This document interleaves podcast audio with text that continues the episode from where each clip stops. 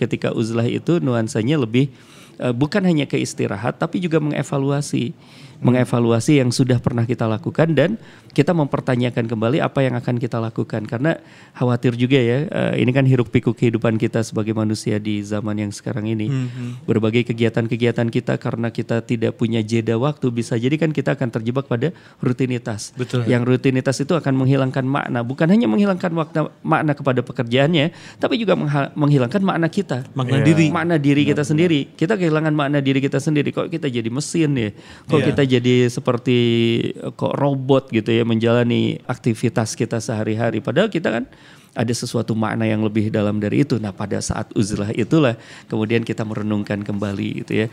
Apakah nanti ini bisa mengantarkan kita pada kebahagiaan yang namanya surga. Bismillah, welcome to Vitamins Podcast and you're listening to Vitamins Talk.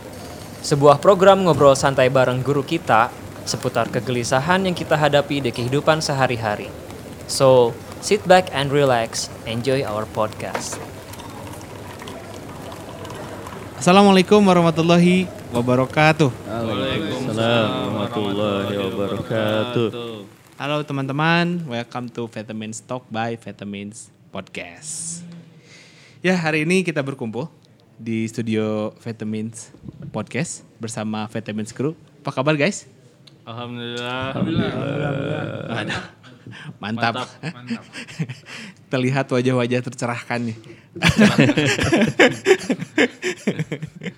ya, di kali ini kita uh, akan ngobrol bareng juga sama guru kita yang udah ada di sini bersama Ustadz Agus Al Muhajir. Assalamualaikum Ustaz. Assalamualaikum warahmatullahi wabarakatuh. Sehat Ustaz? Alhamdulillah cerah. Cerah. Secerah hari ini ya. Sekarang hari ini mah ada serap. Hari ini ada serap. ya seperti biasa di uh, vitamins edisi vitamin stock kali ini kita akan ngobrol-ngobrol seperti biasa nih ngobrol-ngobrol terkait hal-hal yang kita alami sehari-hari yang coba kita diskusikan sama guru kita. uh, saya ada pertanyaan sebenarnya saat yeah. dimulai dengan sebuah pertanyaan. Bukan pertanyaan sih curhatan sih sebetulnya. Pertanyaan atau pernyataan? Pernyataan. uh, sesuatu hal yang sebenarnya saya alami sendiri. Uh, mungkin teman-teman juga pasti mengalami sih mungkin ya. Uh, kan kemarin tuh pada saat pandemi kita sering uh, melakukan kerja di rumah atau Betul. FH. Nah, kerja Untuk yang rumah. punya kantor ya berarti ya. karena mau mau Eva terus. mau keluar karena kondisi juga akhirnya dibatasi, akhirnya sering kerja di rumah. Nah, kan di rumah dengan kondisi rumah nih Set. Yeah. Uh, kondisi keriuhan di rumah. Tapi pada saat kita di rumah yang biasanya tempat kita istirahat ini jadi berubah jadi tempat kita kerja. Tuh. Yang akhirnya tuh eh uh, tempat yang biasa kita leha-leha dijadi tempat kerja yang akhirnya jadi nggak ada batasan antara kerja dan kegiatan di rumah gitu. Yeah. Mm-hmm. Akhirnya efek yang kejadian tuh jadi jadi burn out mas. Hmm. ngalamin gak sih? Teman-teman ngalamin gak?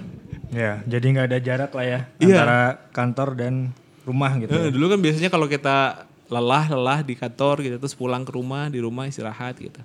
Nah kemarin tuh sempat ngalamin pada saat di rumah e, berpindah dari satu dari kerjaan ke urusan di rumah gitu urusan domestik akhirnya balik lagi ke urusan kerjaan akhirnya antara waktu kerja waktu sama keluarga jadi jadi kabur gitu. Akibatnya lumayan jadi burn out juga di di di kepala gitu. Iya Nah, Gak itu mungkin ketika lagi santai itu punya tanggung jawab harus kerja gitu loh. Iya. Jadi maksudnya santainya itu nggak santai. Iya ya kan. Akhirnya nggak punya. Kalau dulu mah ada bed cave kita. Iya betul betul betul. betul. Dan santai itu kayak kayak dosa gitu ya. Kayaknya nggak ngelakuin jadi, jadi salah gitu kalau istirahat tuh gitu. Bed cave sudah dimasuki oleh lawan sekarang. Saya baru sadar sedang berbincang dengan Batman. Nah, aja di rumah juga ya jadi kerja. Nah, akhirnya ngobrol sama beberapa teman-teman akhirnya teman-teman ngobrol uh, kayaknya uh, lu butuh me time gitu ya saya bilang kan me time teh di mana orang di rumah teh waktunya harusnya me time teh di rumah sekarang jadi jadi iya. nggak ada tempat untuk kabur gitu mm-hmm. Nah teman-teman bilang oh kenapa nggak liburan? Eh Ke mana? liburan kumaha? Liburan ke mana? Ke Bali. Iya, bener. Jadi akhirnya butuh butuh waktu, butuh tempat, butuh kondisi Hmm. untuk untuk healing gitu. Ya teman-teman ya eh, apa menawarkan udah aja sambil liburan sambil ke sana di tengah kondisi pandemi juga kondisi ekonomi agak menurun, mau liburan juga kondisinya gimana gitu. Takutnya liburan tuh malah kepikiran nih bisa balik modal nggak ya setelah liburan? Akhirnya jadi kayak sebuah masalah yang gak berujung gitu, Sat. Hmm. Jadi akhirnya ya kalau versi ini sih jadi kebahagiaan tuh agak agak agak agak sulit untuk di dicari di kondisi kondisi ini gitu. Nah sebetulnya kalau kita ngobrolin hal itu eh, apa sih metode dalam Islam yang Islam tawarkan untuk supaya kita bisa healing dari segala hiluk pikuk yang dunia yang kita alami gitu San? Iya. Memang kalau kita bicara tabiat dari jiwa terlebih dahulu ya. Ya. Tabiat dari jiwa kita ini ya memang jiwa kita ini membutuhkan ada jeda. Ada jeda dari eh, berbagai gelombang amal kita. Ayat faiza farogta fansab mengingatkan kepada kita tentang jeda-jeda itu. Mungkin ketika kita sudah berhasil atau sudah selesai melakukan sesuatu, kita istirahat dulu sebentar gitu ya. Lalu kemudian kita melakukan kembali pekerjaan itu. Faiza farogta fansab itu maknanya seperti itu. Jadi tidak tidak bicara tentang terus menerus bekerja gitu ya. Eh, ada ada masa selesainya lalu kemudian kita persiapan dulu. Sehingga guru-guru kami itu sering mengingatkan bahwa istirahat itu dibutuhkan. Di saat kita eh, di tengah atau sibuknya kita. Dari satu pekerjaan ke pekerjaan yang lain maka kita butuh terlebih dahulu ada jeda-jedanya itu ada ada rehatnya itu. Yang kalau dalam bahasa para ulama itu kemudian sampailah para ulama mengatakan ini kita memang membutuhkan waktu-waktu yang namanya uzlah gitu ya. Waktu yang namanya ujlah yang memang eh, ini dimaknakannya panjang ya, dimaknakannya beragam-ragam oleh para ulama. Ada yang memaknakannya ini benar-benar menyepi dari kehidupan manusia, eh, mengasingkan diri dari kehidupan manusia sehingga dia menemukan kembali kebeningannya, menemukan kembali kejernihannya. Karena kan salah satu bergaul dengan manusia ini bisa bisa bisa berpengaruh pada hati kita. Kalau bahasanya Ibnu Qayyim kan eh, manusia itu dibagi menjadi beberapa tipe ya. Di antaranya tuh ada tipe yang racun itu. ada tipe racun. ada tipe eh, penyakit begitu yang otomatis kemudian ketika kita berinteraksi di eh, hiruk pikuknya kehidupan dunia ini kadang-kadang mereka juga nempel kan racun-racunnya itu pada kita. Belum didistorsi Iya, juga berarti. Ya bisa terdistorsi. Kemudian juga sibuknya kita ini akan melelahkan kita juga dan ketika kita lelah ya tentunya juga kita akan kehilangan energi juga untuk berbuat itu. Sehingga eh, diperlukan waktunya kita uzlah itu, waktunya kita memisahkan atau dalam bahasanya Imam Ahmad bin Hambal yaitu menyendiri bersama dengan jiwa. Masya Allah. menyendiri bersama dengan jiwa. Ini yang dibutuhkan. Gitu. Me time mungkin saya ini Mid time kalau bisa dibilang gitu kita. me time-nya itu uzlah gitu. Iya, dan ini kan mid time. Mid Hmm. time itu eh, menarik. Tadi saya sempat garis bawahi tangkap gitu Hmm. ya kalimat mid time itu. Kan itu berarti sebenarnya tidak memerlukan waktu ya. Tidak ada hubungannya dengan waktu kan mid time itu ya waktu. Iya. Tidak ada hubungannya dengan tempat maksudnya. Iya, tidak ada hubungannya dengan, tempat. tempat. tapi hubungannya dengan waktu, kan Waktu, me ya. time gitu. Berarti ada sebuah waktu yang memang kita peruntukkan, alokasikan untuk kita sendiri dan tentu kalau kita bicara tentang diri kita sendiri, kita perlu menyapa jiwa kita itu. Kita kita perlu untuk membeningkan diri kita. Nah, di satu tempat lah atau di satu waktu lah yang eh, disebut dengan ujlah tadi gitu ya kalau secara istilahan gitu. Karena me time, Me time gitu. waktu untuk sendiri. Iya, betul. Tidak Waktu. terbatas pada Tempat ya. tempat berarti ya. Mhm. Oh, berarti dalam Islam itu uh, break time atau me time itu adalah sebuah hal yang manusiawi yang pertama dan itu uh, ada dalam Al-Qur'an juga ya. Iya, bukan hanya manusiawi tetapi bahkan eh, di beberapa hal ya. Imam Ahmad sering mengatakan, ada juga eh, beberapa ulama yang lainnya mengatakan bahwa ini haknya dari akal. Haknya dari akal. Akal itu punya hak. Haknya itu adalah istirahat sejenak untuk kemudian kita melakukan. eh, mempertanyakan atau berdialog dengan apa yang sudah kita lakukan dan apa yang akan kita lakukan.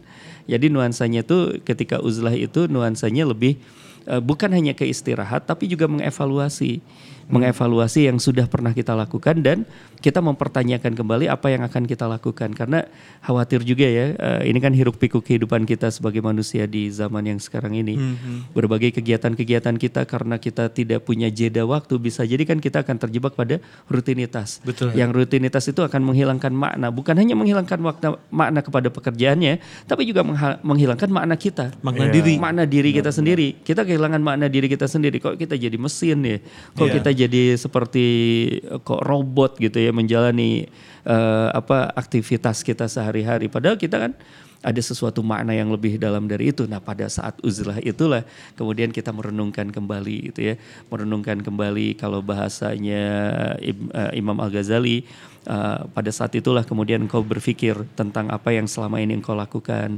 Apakah kemudian juga yang kau lakukan itu sesuai dengan apa yang diinginkan uh, sebagai tugas diri kita, sebagai misi kehidupan kita, sebagai hamba kita dari Allah Subhanahu wa taala?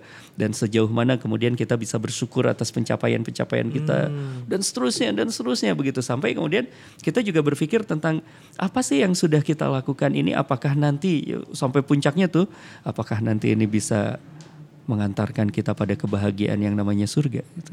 Masya Allah. Itu di me time-nya kita ya yang disebut dengan ujlah itu gitu. Iya, iya. Jadi, emang tadi nggak selamanya ter- terkait tempat ya. Iya.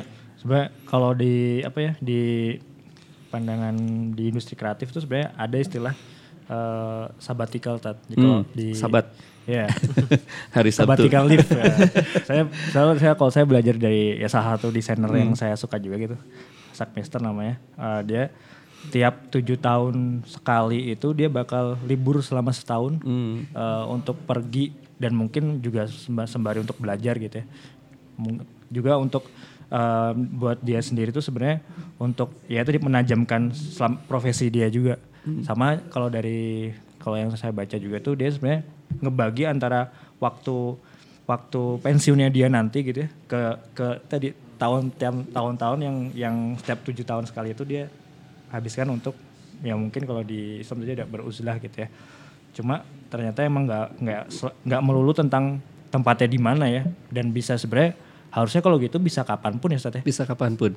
Dan yang menarik kalau kita bicara tentang kita ya sebagai seorang muslim, kita tuh punya eh, waktu-waktu uzlah. Kayak sebelum kita bicara tentang tempat ya berarti. kita bicara tentang waktu-waktu uzlah kita. Apa sih waktu-waktu uzlah kita? Di sepertiga malam terakhir itu adalah waktu uzlah kita dan itu datang tiap malam. Pada saat kita sholat tahajud, selepas sholat tahajud kita mari berpikir kita jadikan itu me time-nya kita tuh ya kan gak diganggu sama istri kan kalau lagi tahajud kan anak-anak lagi tidur juga kan tidur. nah, itu waktu me time-nya kita tuh, waktu uzlahnya kita. Kita bisa hanya berduaan saja dalam tanda petik dengan jiwa kita. Kita bertanya tentang apa yang sudah kita lakukan siang tadi dari awal sampai eh, ini ya sampai sampai kita tadi tidur dan kita bangun lagi dan seterusnya dan seterusnya. Jadi eh, sehingga kalau kita bicara tentang istirahat itu ya kan itu kalau tadi sabat itu ya istirahat itu eh itu mengingatkan kepada kita bahwa manusia itu punya dua dimensi. Yang itu yang pertama itu adalah dimensi fisik dan yang kedua itu dimensi jiwa. Nah, kalau istirahatnya fisik bisa tidur. Bisa tidur, tidur bisa refresh lagi. Terus lagi badan lebih, jadi lebih sehat lagi Betul, gitu. lebih sehat lagi. Tidurnya benar-benar niat ya tidur ya. Jangan sampai ketiduran di karpet malam-malam. Masuk angin nanti. Masuk angin. Masuk angin. Nyindir diri Salah sendiri. tidur leher kena itu. Betul-betul niat ya. Bukan salah batas, salah karpet. salah karpet. Nggak pakai bantal maksudnya jadi sakit. Bukan salah karpet, salah saya sih sebetulnya. ya karpet tidak pernah bersalah. Emang niat tidur di karpet atau nggak boleh masuk sama istri? Kombinasi. Kombinasi curhat sama. Yang menariknya adalah jiwa juga butuh istirahat. Dan kalau dalam Islam justru istirahatnya jiwa itu adalah dengan kita terbangun di sepertiga malam salah satunya. Kita bisa berzikir. Sambil berzikir itu kan juga meng- mengkalibrasi ya. Nah, ada ada kegiatan-kegiatan. Jadi bukan hanya memisahkan atau bukan hanya berduaan dengan jiwa saja kan ada kegiatannya di situ. Kegiatannya apa? Di antaranya dengan berzikir kita mengkalibrasi bahwa misalnya dengan ucapan subhanallah yang kita uh, ucapkan secara yakin, secara sadar di sepertiga malam itu akan membuat kita berdamai dengan berbagai kejadian-kejadian dalam kehidupan kita yang kita mungkin eh, ketika kita evaluasi hari ini ketika tadi siang kita mengalami ada banyak hal yang tidak sesuai dengan keinginan-keinginan kita lalu kemudian kita kalibrasi di masa ujlah kita dengan kalimat subhanallah Allah itu tidak pernah salah. Allah itu tidak pernah salah ngasih saya sesuatu ngasih kami sesuatu. Yang ada adalah saya akan melapangkan hati saya berdamai dengan pencapaian hari ini gitu masya Allah dan kita bersiap-siap lagi untuk menghadapi hari besoknya itu Masya Allah. Jadi uzlahnya kita uzlah yang produktif ya, uzlah yang produktif karena uzlahnya adalah faiza faruk tafansab itu, yaitu jeda di antara pekerjaan-pekerjaan kita, jeda di antara gelombang-gelombang amal kita, dan uh, sekaligus kita menerima tentang uh, tentang apa pencapaian-pencapaian kita hari ini, gitu, Masya Allah. Itu. Dengan ngobrol dengan diri sendiri akhirnya muncul acceptance gitu ya Bruna.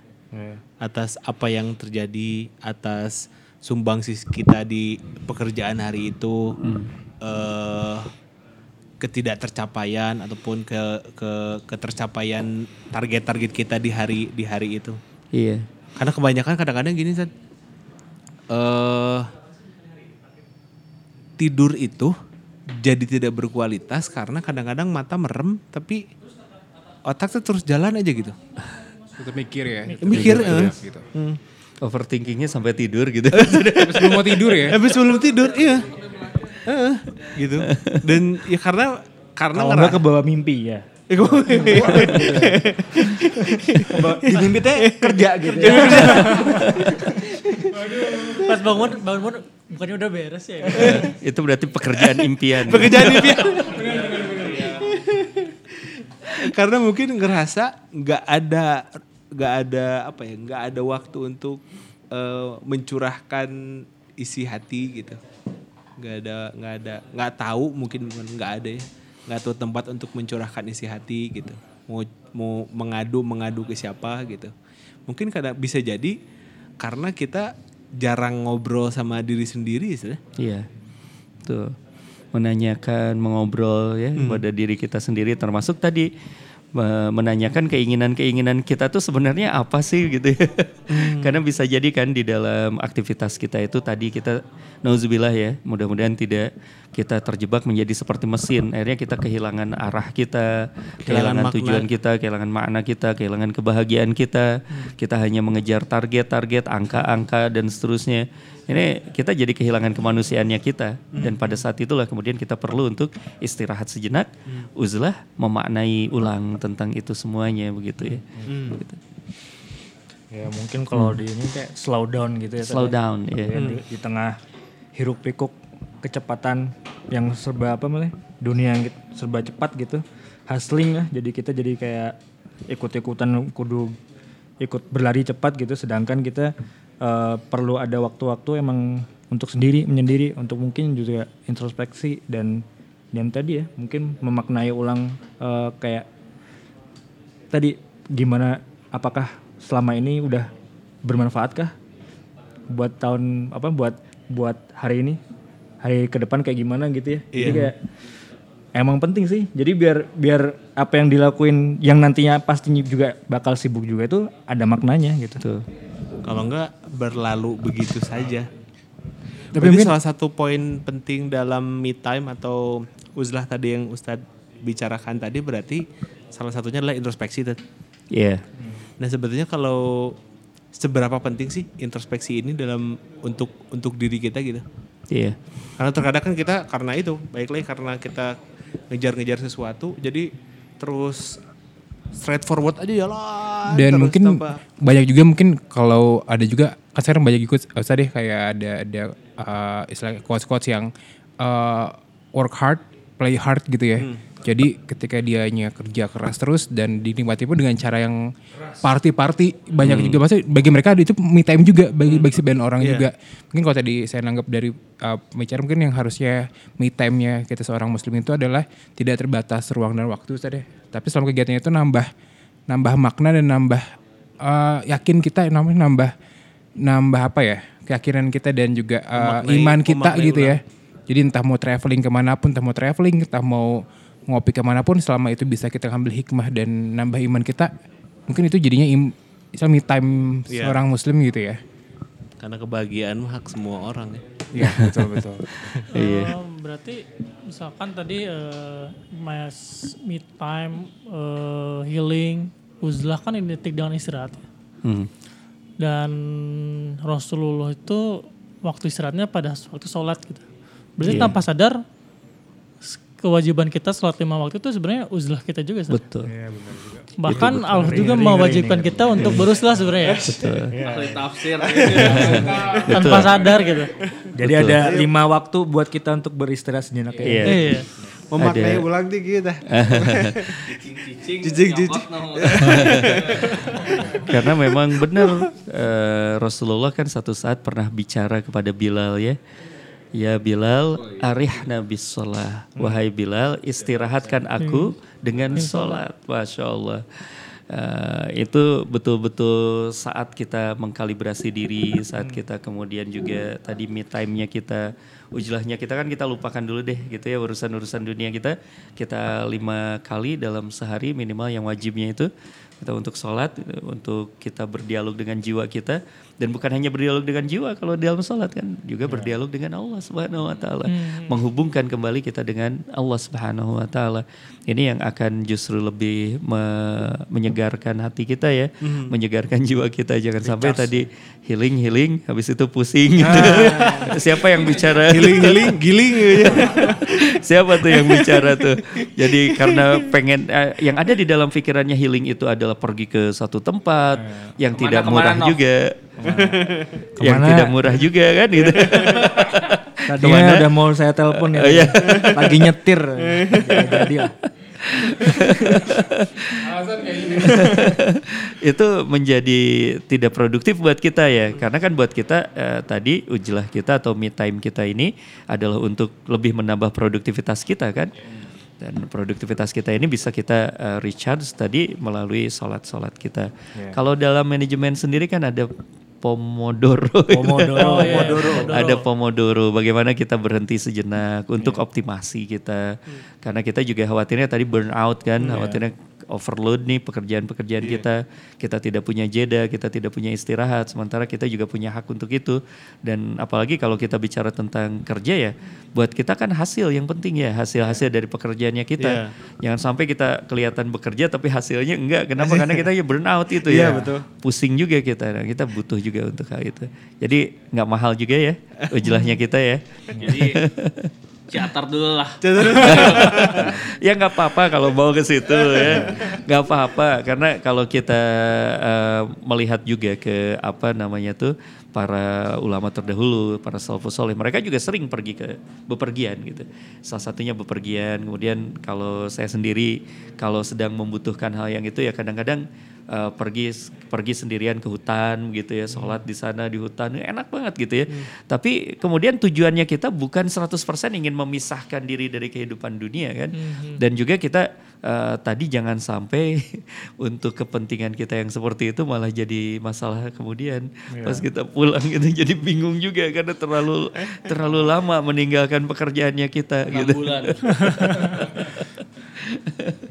berarti Jadi untuk beruzlah mencari ketenangan tuh nggak harus selalu ke tempat yang literally sepi gitu ya. Nggak harus orang di tempat sepi juga stres kok Iya. Jabasian meureun. Kecuali kalau misalnya kalau di rumah ya, di rumah nih mau sepertiga malam juga berisik juga gitu. Ya entah apa kek. Ya mungkin hidupnya mungkin bukan di di tengah kota banget gitu, mungkin sebelah diskotik mungkin. berisik jadi, Gimana di alun-alun gitu ya. jadi mungkin harus ke Mana imah sebelah diskotik.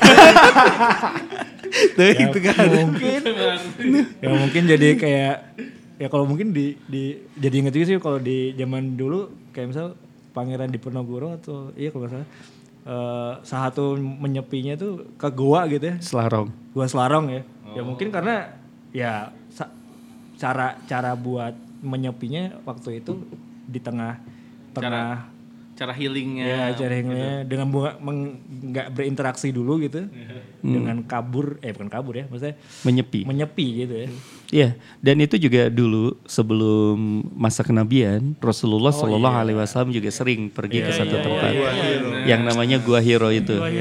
Pahlawan bro. Ya, Hero. buat Hero dia mah kuburan mah.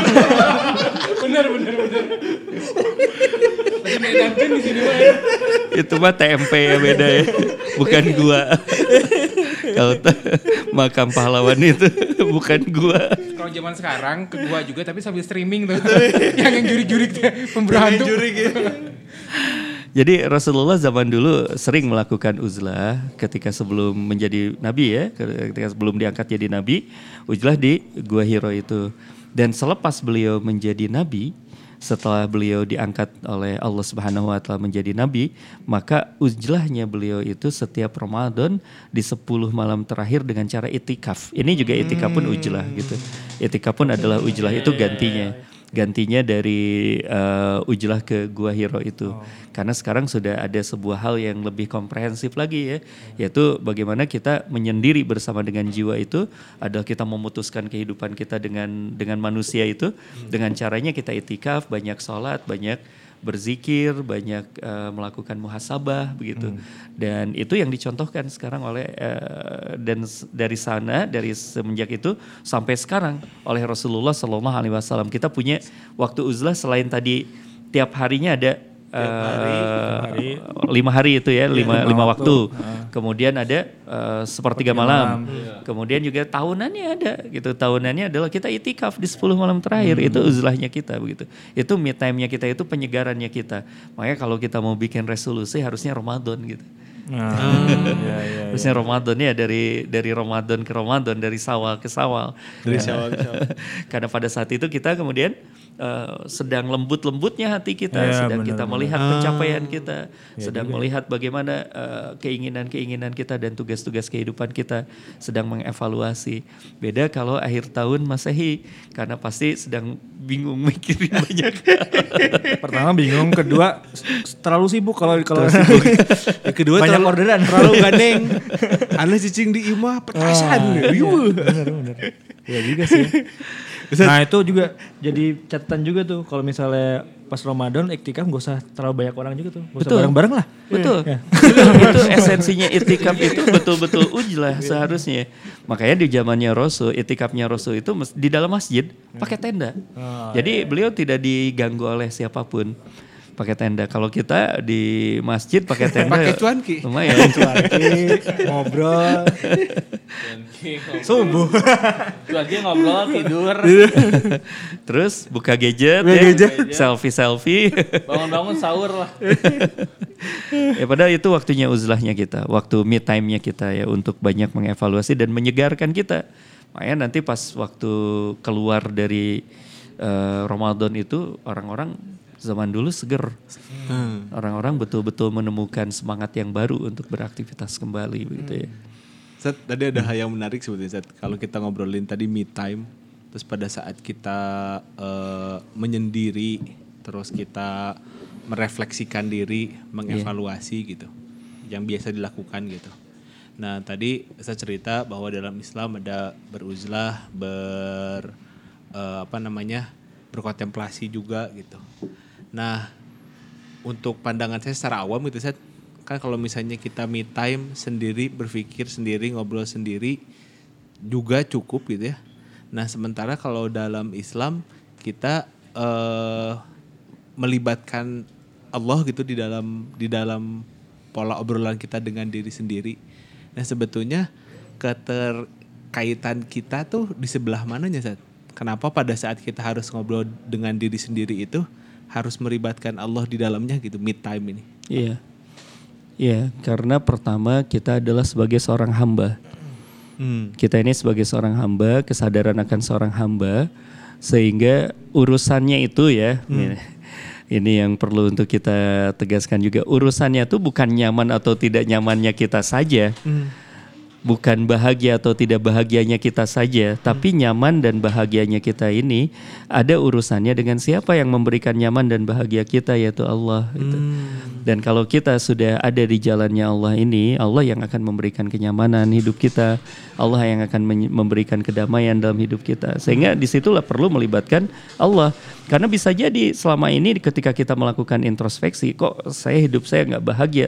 Ternyata jawabannya satu, karena kita jauh sama Allah. Di situ pentingnya begitu ya, bukan hanya sekedar eh, bukan hanya sekedar wah saya nggak bahagia nih kenapa? Karena target tidak tercapai gitu. Enggak juga kan? Ah, betapa banyaknya orang yang target tahunannya tercapai tetap nggak bahagia juga, tetap bunuh diri juga gitu. Masya Allah kan itu nanti ya. Itu cantolan utamanya ternyata ya. Iya, karena kebahagiaan hanya dari Allah. Allah bizikrillah tatmainul qulub. Ingatlah hanya dengan mengingat Allah, dengan berzikir, hati akan menjadi tenang. Dan hati menjadi tenang itu kan sumber kebahagiaan nantinya.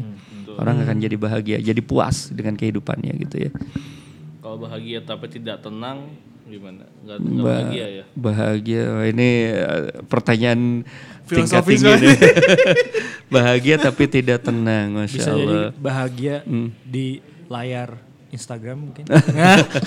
Bisa. Berarti kalau bahagia tapi tidak tenang, kebahagiaan itu semu. Mungkin kayak gini ya bahagia tapi tidak tenang tuh kita teh eh, mengejar targetan nyari duit yang banyak buat beli ini itu jalan-jalan ke sana ke sini tapi ternyata hal tersebut tuh tidak menenangkan kita bukan kebahagiaan Atau bisa jadi situ tidak gitu. mendatangkan kebaikan di kemudian hari. Hmm, nggak ke situ sih Misalnya Atau kita misalnya kita ngumpulin sesuatu nih. Hmm. Oh, kayaknya kayaknya bagus nih kalau kita punya sesuatu misalnya. Kita ngumpulin uang untuk beli hal tersebut. Ternyata pada saat setelah kebeli kita nggak bisa juga, men- gitu. dan nggak bisa menikmati juga kadang-kadang Iya, beli kayak- sesuatu yang kita hanya nikmati setahun sekali misalnya. ya kayak misalnya orang-orang kaya gitu ya yang beli villa di Setra Duta gitu kalau nggak di puncak gitu kan dipakainya juga kan setahun sekali juga udah kayaknya maksimal gitu Maksimal. jarang Itu pun rumah- kalau tidak pandemi. Oh, dan itu kan apa rumahnya itu yang gede-gede banget gitu kan itu juga diisi sama satu keluarga juga kelebihan gitu kan. Ya ujung-ujungnya justru yang menikmati hal tersebut adalah si mamang dan si bibi gitu. Yang setiap hari itu lebih sehat fresh udah segar bisa berenang setiap hari. Jadi ya kan? healingnya ke si mamang. Healingnya ke si mamang. Karena boga nama teh healing healing-healing. mana mah cemen kene gitu. Kan Si Mamang dan si Bibi itu sebenarnya master of healing.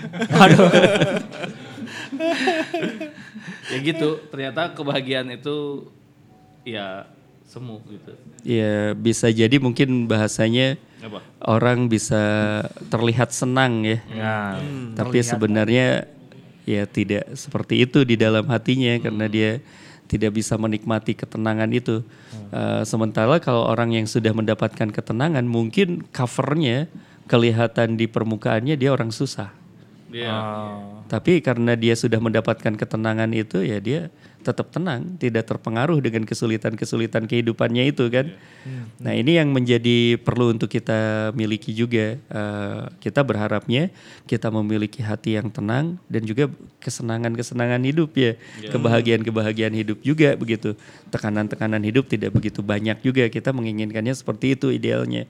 Kayak seperti doa kita kan Robbana atina fid dunya hasanah wa fil akhirati hasanah wa qina azabannar. Kita menginginkan kebaikan-kebaikan hasanah itu.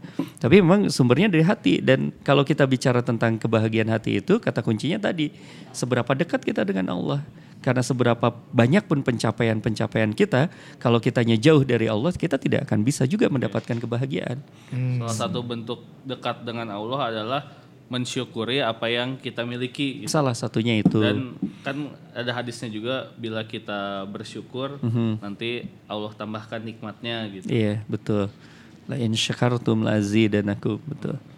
Nah, itu itu satu hal ya yang eh, mental akhirnya ya. Iya iya. Mental kita dan mental kita ini lagi-lagi eh, itu urusannya bukan urusan dengan apa yang secara fisiknya ya, tapi kondisi hatinya kita kan. Iya. Kondisi hatinya kita. Da, kalau misalnya kita bicara tentang eh, pencapaian-pencapaian secara fisik, semuanya menjadi relatif juga. Semuanya relatif juga. Yang disebut banyak itu bisa jadi sedikit. Yang disebut sedikit bisa jadi banyak. Tergantung siapa yang bilang. gitu. Kalau misalnya kita ber- berkata satu miliar itu banyak, ya buat konglomerat satu miliar mungkin receh gitu ya. Eh, buat kita satu juta itu sedikit, bisa jadi buat mereka orang-orang yang sulit mendapatkan satu juta itu bisa jadi banyak sekali itu ya. Akhirnya menjadi relatif. Nah ini maka kembali lagi ke masa ke, ke jiwa kita, kembali ke jiwa kita dan jiwa kita ini perlu kita sapa tadi itu di dalam ujlah kita, di dalam masa-masa bersendiriannya kita. Apa yang sedang kau cari wahai jiwa gitu? Apa yang sedang kau cari di dalam kehidupanmu itu? Apa yang membuat engkau bahagia di dalam kehidupanmu itu? Gitu. Apa yang sedang kita cari? Bukankah kalau kita kata Ibnu Qayyim ya pada satu saat beliau mengatakan jika engkau mencari kebahagiaan maka engkau jangan sekali-kali mencari kebahagiaan itu pada sesuatu yang fana, akan hilang, akan musnah. Itu kan dunia semua. Yang kata beliau karena kebahagiaanmu itu hanya engkau bisa dapatkan ketika engkau perhatikan atau ketika engkau fokuskan kepada sesuatu yang tidak akan hilang dan tidak akan musnah. Kebahagiaan kita hanya bisa didapatkan ketika kita bersama dengan Allah. Gitu, masya Allah. Nah itu bisa ditemukannya di mana? Di uzlah itu. Sehingga nanti hasilnya dari uzlah itu kita akan introspeksi. Introspeksi ini pekerjaan-pekerjaan kita ini melembutkan hati kita atau makin jauh nih kita nih sama kelembutan hati kita. Makin jauh nggak kita sama sumber kebahagiaan kita gitu. Langsung kita evaluasi caranya kita menyikapi pekerjaan-pekerjaan kita. Kita sikapi, kita evaluasi juga cara kita memanfaatkannya bisa jadi karena cara memanfaatkannya kita ini bisa menge- mengeraskan hati juga kan ya gitu ya. Memanfaatkan hasil-hasil pencapaian kerja kita malah dugem gitu. itu mengerikan. rumah tuh. Sebelah diskotek. Yang sebelah rumah itu. Siapa yang rumahnya dekat diskotek? Masalahnya siapa yang di sini kota saetik. Simpangkan. Kopok, kopok. Masya Allah. Begitu ya, jadi penting sekali untuk introspeksi, untuk kita masa-masa ujlah. Apalagi sekarang akhir tahun ya. Gitu. Saatnya juga kita melakukan introspeksi. Momentumnya itu. pas. Momentumnya pas. orang-orang berresolusi yang sering-seringnya hanya nempel di dinding aja. Resolusi 2022 adalah menjalankan resolusi 2021 yang disusun tahun 2020 yang belum terwujudkan dari tahun 1999. Dan kalau Allah lah pemilik segala sesuatu yang ada di dunia ini, eh, kalau kita ngobrolin tadi tentang keputusan yang salah, mungkin eh, salah satunya bangun di sepertiga malam ini bisa jadi salah satu filter kita saja. Tuh. Filter Dan kita dalam mengambil keputusan ditambah ketenangan yang kita dapatkan sehingga eh, kita lebih sharp untuk ngambil keputusan-keputusan di ke depannya karena kita melibatkan Allah di dalamnya begitu. Betul. Nah itu uzlah dan muhasabah. Jadi akhirnya ya kita bicara tentang di dalam uzlah itu ada muhasabah atau bahasa populernya introspeksi tadi itu. Nah ketika kita melakukan introspeksi itu eh, sampai kemudian Hasan al Basri berkata eh, senantiasa akan ada kebaikan dari seseorang yang senantiasa membiasakan dirinya untuk melakukan muhasabah. Untuk melakukan introspeksi, untuk melakukan menghitung diri di waktu-waktu yang dihususkan untuk itu gitu. Itu kebaikan itu senantiasa ada. Dan berarti kalau bahasa pakai bahasa logika terbalik ya, kalau orang tidak punya waktu untuk menghitung diri, kalau orang tidak punya waktu untuk eh, menyendiri dengan jiwanya itu, maka lebih banyak potensi keburukan dari apa yang dia lakukan itu. Potensi kesalahan Potensi yang akan kesalahan ada, juga betul. juga. Potensi keburukan, potensi kesalahan, potensi bahkan, masya Allah, menyeleweng kita dari sebuah tugas penghambaan kita kepada Allah Subhanahu Wa Taala. Kenapa sepertiga malam Ustaz? karena waktu yang sangat tenang. Kan di dalam surat Al-Muzammil dikatakan bahwa siang hari engkau sibuk. Maka engkau bangunlah di sepertiga malam. Kita bangun di sepertiga malam karena pada saat itu saat yang khusyuk. Waktu yang paling baik. Kalau dalam bahasa dalilnya Allah menurunkan rahmat di sepertiga malam itu. Jadi memang itu waktu khusus buat istirahat jiwa kita. Tadi kalau istirahatnya fisik kita tidur, maka istirahatnya jiwa kita bangun di sepertiga malam itu. Lakukan ujlah di tengah hiruk pikuk kehidupan kita. Masya Allah. Berarti kalau tadi yang saya obrolin dari surat Muzammil tadi berarti di dalam Islam sendiri Islam itu me- menyarankan atau menyuruh hambanya untuk memiliki pengaturan waktu yang baik. Ustaz? Betul. Sampai ada surat Al-Asr itu kan semangatnya Islam. Al-Asr itu demi masa, demi waktu. Karena betapa banyak orang yang celaka gara-gara tidak mampu mengatur waktunya itu gitu insya Allah. Dan waktu-waktunya ada, ada waktunya bekerja, ada waktunya istirahat, ada waktunya uzlah, ada waktunya kemudian merencanakan sesuatu, ada waktunya kembali lagi bekerja lagi terus begitu Masya Allah. Sehingga uh, uniknya profilnya para sahabat di masa lalu itu sampai di diterangkan atau disampaikan bahkan oleh orang Romawi di potretnya itu mereka orang-orang Islam itu seperti rahib pada malam hari dan seperti singa pada siang harinya masya Allah gitu. Gitu. Dan dengan semangat itu bisa menguasai dunia. Iya, akhirnya layak. Sampai Julius Caesar ketika kan itu kasusnya ketika Julius Caesar eh, bertanya kepada pasukannya itu, siapa yang kalian hadapi ini? Coba cari tahu. Prajuritnya yang melakukan aksi mata-mata itu berkata, "Eh, wahai Kaisar, orang-orang Islam itu, orang-orang Arab itu adalah pagi eh, malam harinya seperti para rahib-rahib kita dan siang harinya seperti para seperti singa-singa yang mengaum sangat buas begitu. Masya Allah. itu profilingnya kita menurut orang-orang Romawi waktu itu gitu. Sehingga kata Julius Caesar, kalau orang-orang seperti itu, maka mereka kekuasaannya akan menyentuh kaki atau akan menyentuh tanah yang selama ini kita pijak. Artinya akan bisa sampai ke Romawi, bisa sampai ke Persia, uh, memenuhi syarat untuk menaklukkan dunia gitu dan memimpin dunia gitu. Insya Allah. itu nggak akan terjadi kalau kalau di siang harinya kita ya tadi terjebak hanya terjebak rutinitas dan akhirnya nggak ada pemaknaan Gak ada pemaknaan. itu. Jadi benar-benar memang singa kan. Kalau singa, kenapa singa? Singa kan gerakannya efektif. Iya. Ya, sehingga gerakannya efektif. Nggak seperti maaf anjing hutan gitu. Atau apa binatang-binatang yang berisik gitu ya. Tapi kan, kalau singa tuh diam tapi sekali bergerak kena, sekali bergerak kena, sekali bergerak kena gitu. Efektif. efektif. Karena tadi hasil dari introspeksi di malam harinya. Hasil dari muhasabah di malam harinya. Hasil dari beruzlah di malam harinya. Kalau nggak punya waktu itu, Iya mekanik kita berarti setiap harinya gitu. Iya, iya. Berarti selaras istilahnya. Iya. Selaras itu maksudnya dari kebutuhan kita sebagai manusia dengan opsi yang ditawarkan oleh Islam untuk eh, healing itu masuk gitu. Masuk.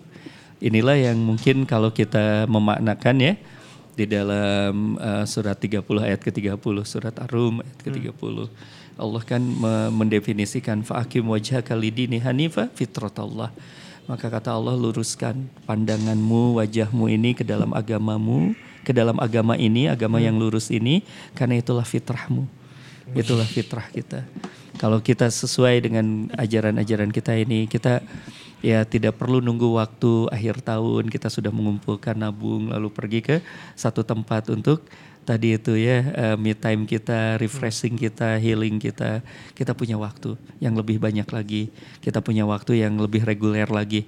Diumpamakan kalau kita punya kendaraan, kendaraan kita kita servis rutin dengan yang jarang diservis kan beda Maintenance. maintenance-nya beda gitu. Kalau servis rutin paling kalaupun misalnya maintenance tahunan ya cuma dikit aja lah Iya. gitu ya.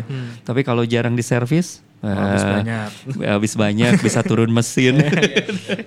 bisa turun mesin. Lebih mahal lagi.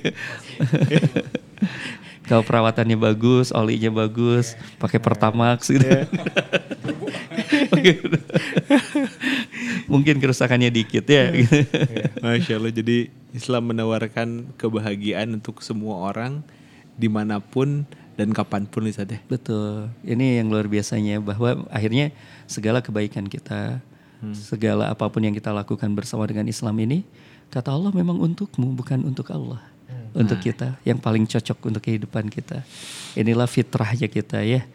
Software yang paling kompatibel, panduan hidup yang paling cocok dan gaya hidup yang paling aman buat kita manusia gitu. Masya Allah. Mantap. Itu cocok jadi quote yang lain terakhir ya. Mungkin kalau di bahasa tadi kalau di bahasa perkomputeran tuh ta- ya udah tuh seperti ini sih kayak maintenance dan juga mungkin kalau di um, Mac OS tuh ada update. Hmm. Jadi nggak nggak sekedar sekedar tadi pemaknaan tadi juga akhirnya bisa berupgrade diri untuk nantinya bekerja juga mungkin lebih efektif dan bisa bisa menyibukkan diri bukan hanya sibuk aja tapi emang benar-benar produktif gitu. Betul. Jadi efeknya ke depan ke belakang ya. Iya. Ke belakang. Nah, purpose lebih dalam. Ke belakang kita eh, mengintrospeksi sekaligus bersiap untuk eh, apa namanya keputusan-keputusan yang akan kita ambil di, Betul. di depannya. Termasuk juga kalau bicara tadi ke belakang, eh, kita berdamai juga dengan pencapaian-pencapaian kita. kita berdamai dengan kehidupan kita. Berdamai kita dengan diri Berdamai di dengan masa diri, lalu. berdamai dengan takdir, berdamai dengan apa yang sudah diberikan oleh Allah dengan kalimat tadi Subhanallah, walhamdulillah, wala ilaha illallah, Allah akbar. Sepertiga malam kita sembuhkan diri kita dari luka-luka pencapaian masa lalu kita dan kita bersiap untuk optimis, untuk tawakal kepada Allah, untuk kita berhusnuzan kepada Allah jalani besok hari dengan semangat gitu. Ada dengan jadwal nikah yang belum ada. Tadinya deui eta teh manut kamari. siap, siap, siap, siap. Keresahan terdalam itu. Udah ada di bawah sadar ya. Kalau tadi kan kata Nov analoginya pakai MacBook gitu ya, upgrade. Mungkin kalau pakai Windows bentar, bentar. Gak mau kalah. Gak mau kalah. Soalnya ada ahli IT nih Pak. Mungkin kalau Windows tuh di defrag gitu ya. Itu kan udah terpecah-pecah gitu badan tuh. Aduh, ada di kenangan masa lalu, ada kegagalan ini ini. Coba disatukan lagi di defrag. Biasa nama Windows mah install ulang doang. Muntah di setahun di burn ya. Terus Kalau kalau Linux ke mana Linux? lamun versi Androidnya, iya. Biar di endorse sih. Masya Allah. Android kan tiap tiap sehari tuh sering banget ya di di ini sendiri di clean sendiri ya. Apa tuh aku mah cuman F5 refresh. Klik kanan. Klik kanan Ayolah. refresh. Siap. ya, eh, berakhir pula episode podcast hari ini. Eh Jazakallah khair Ustaz. Terima Baik. kasih untuk eh, pencerahannya di episode kali ini. Ya, hiruk pikuk dunia itu sesuatu yang nggak bisa kita hindari. Ya mau Karena nggak kita masih hidup di dunia. masih hidup di dunia. Oh gitu? Jadi mau nggak mau kita butuh mekanisme untuk menenangkan diri, untuk me time, untuk healing. Nah Islam ini menawarkan sebuah sebuah metode yang terwujud dalam ibadah-ibadah kita. Baik itu dalam sholat lima waktu tadi saya cerita, baik itu juga sholat malam di sepertiga malam. Tapi yang yang lebih jauh lagi di kondisi me time ini kita tidak hanya ngobrol dengan diri sendiri, tapi juga kita libatkan Allah di dalamnya. Kenapa? Karena pemilik semua yang ada di dunia ini adalah Allah. Itu jadi tempat untuk kita berkomunikasi, meminta kepada Allah juga. Semoga teman-teman bisa memetik hikmah dari obrolan hari ini, bisa mendapatkan opsi dari apa yang kita obrolkan dari hari ini. Terima kasih untuk waktunya. Assalamualaikum warahmatullahi wabarakatuh. Waalaikumsalam warahmatullahi wabarakatuh. Sampai jumpa di tahun 2022. Asa padat ya isinya. Berat sudah masuk gen ini.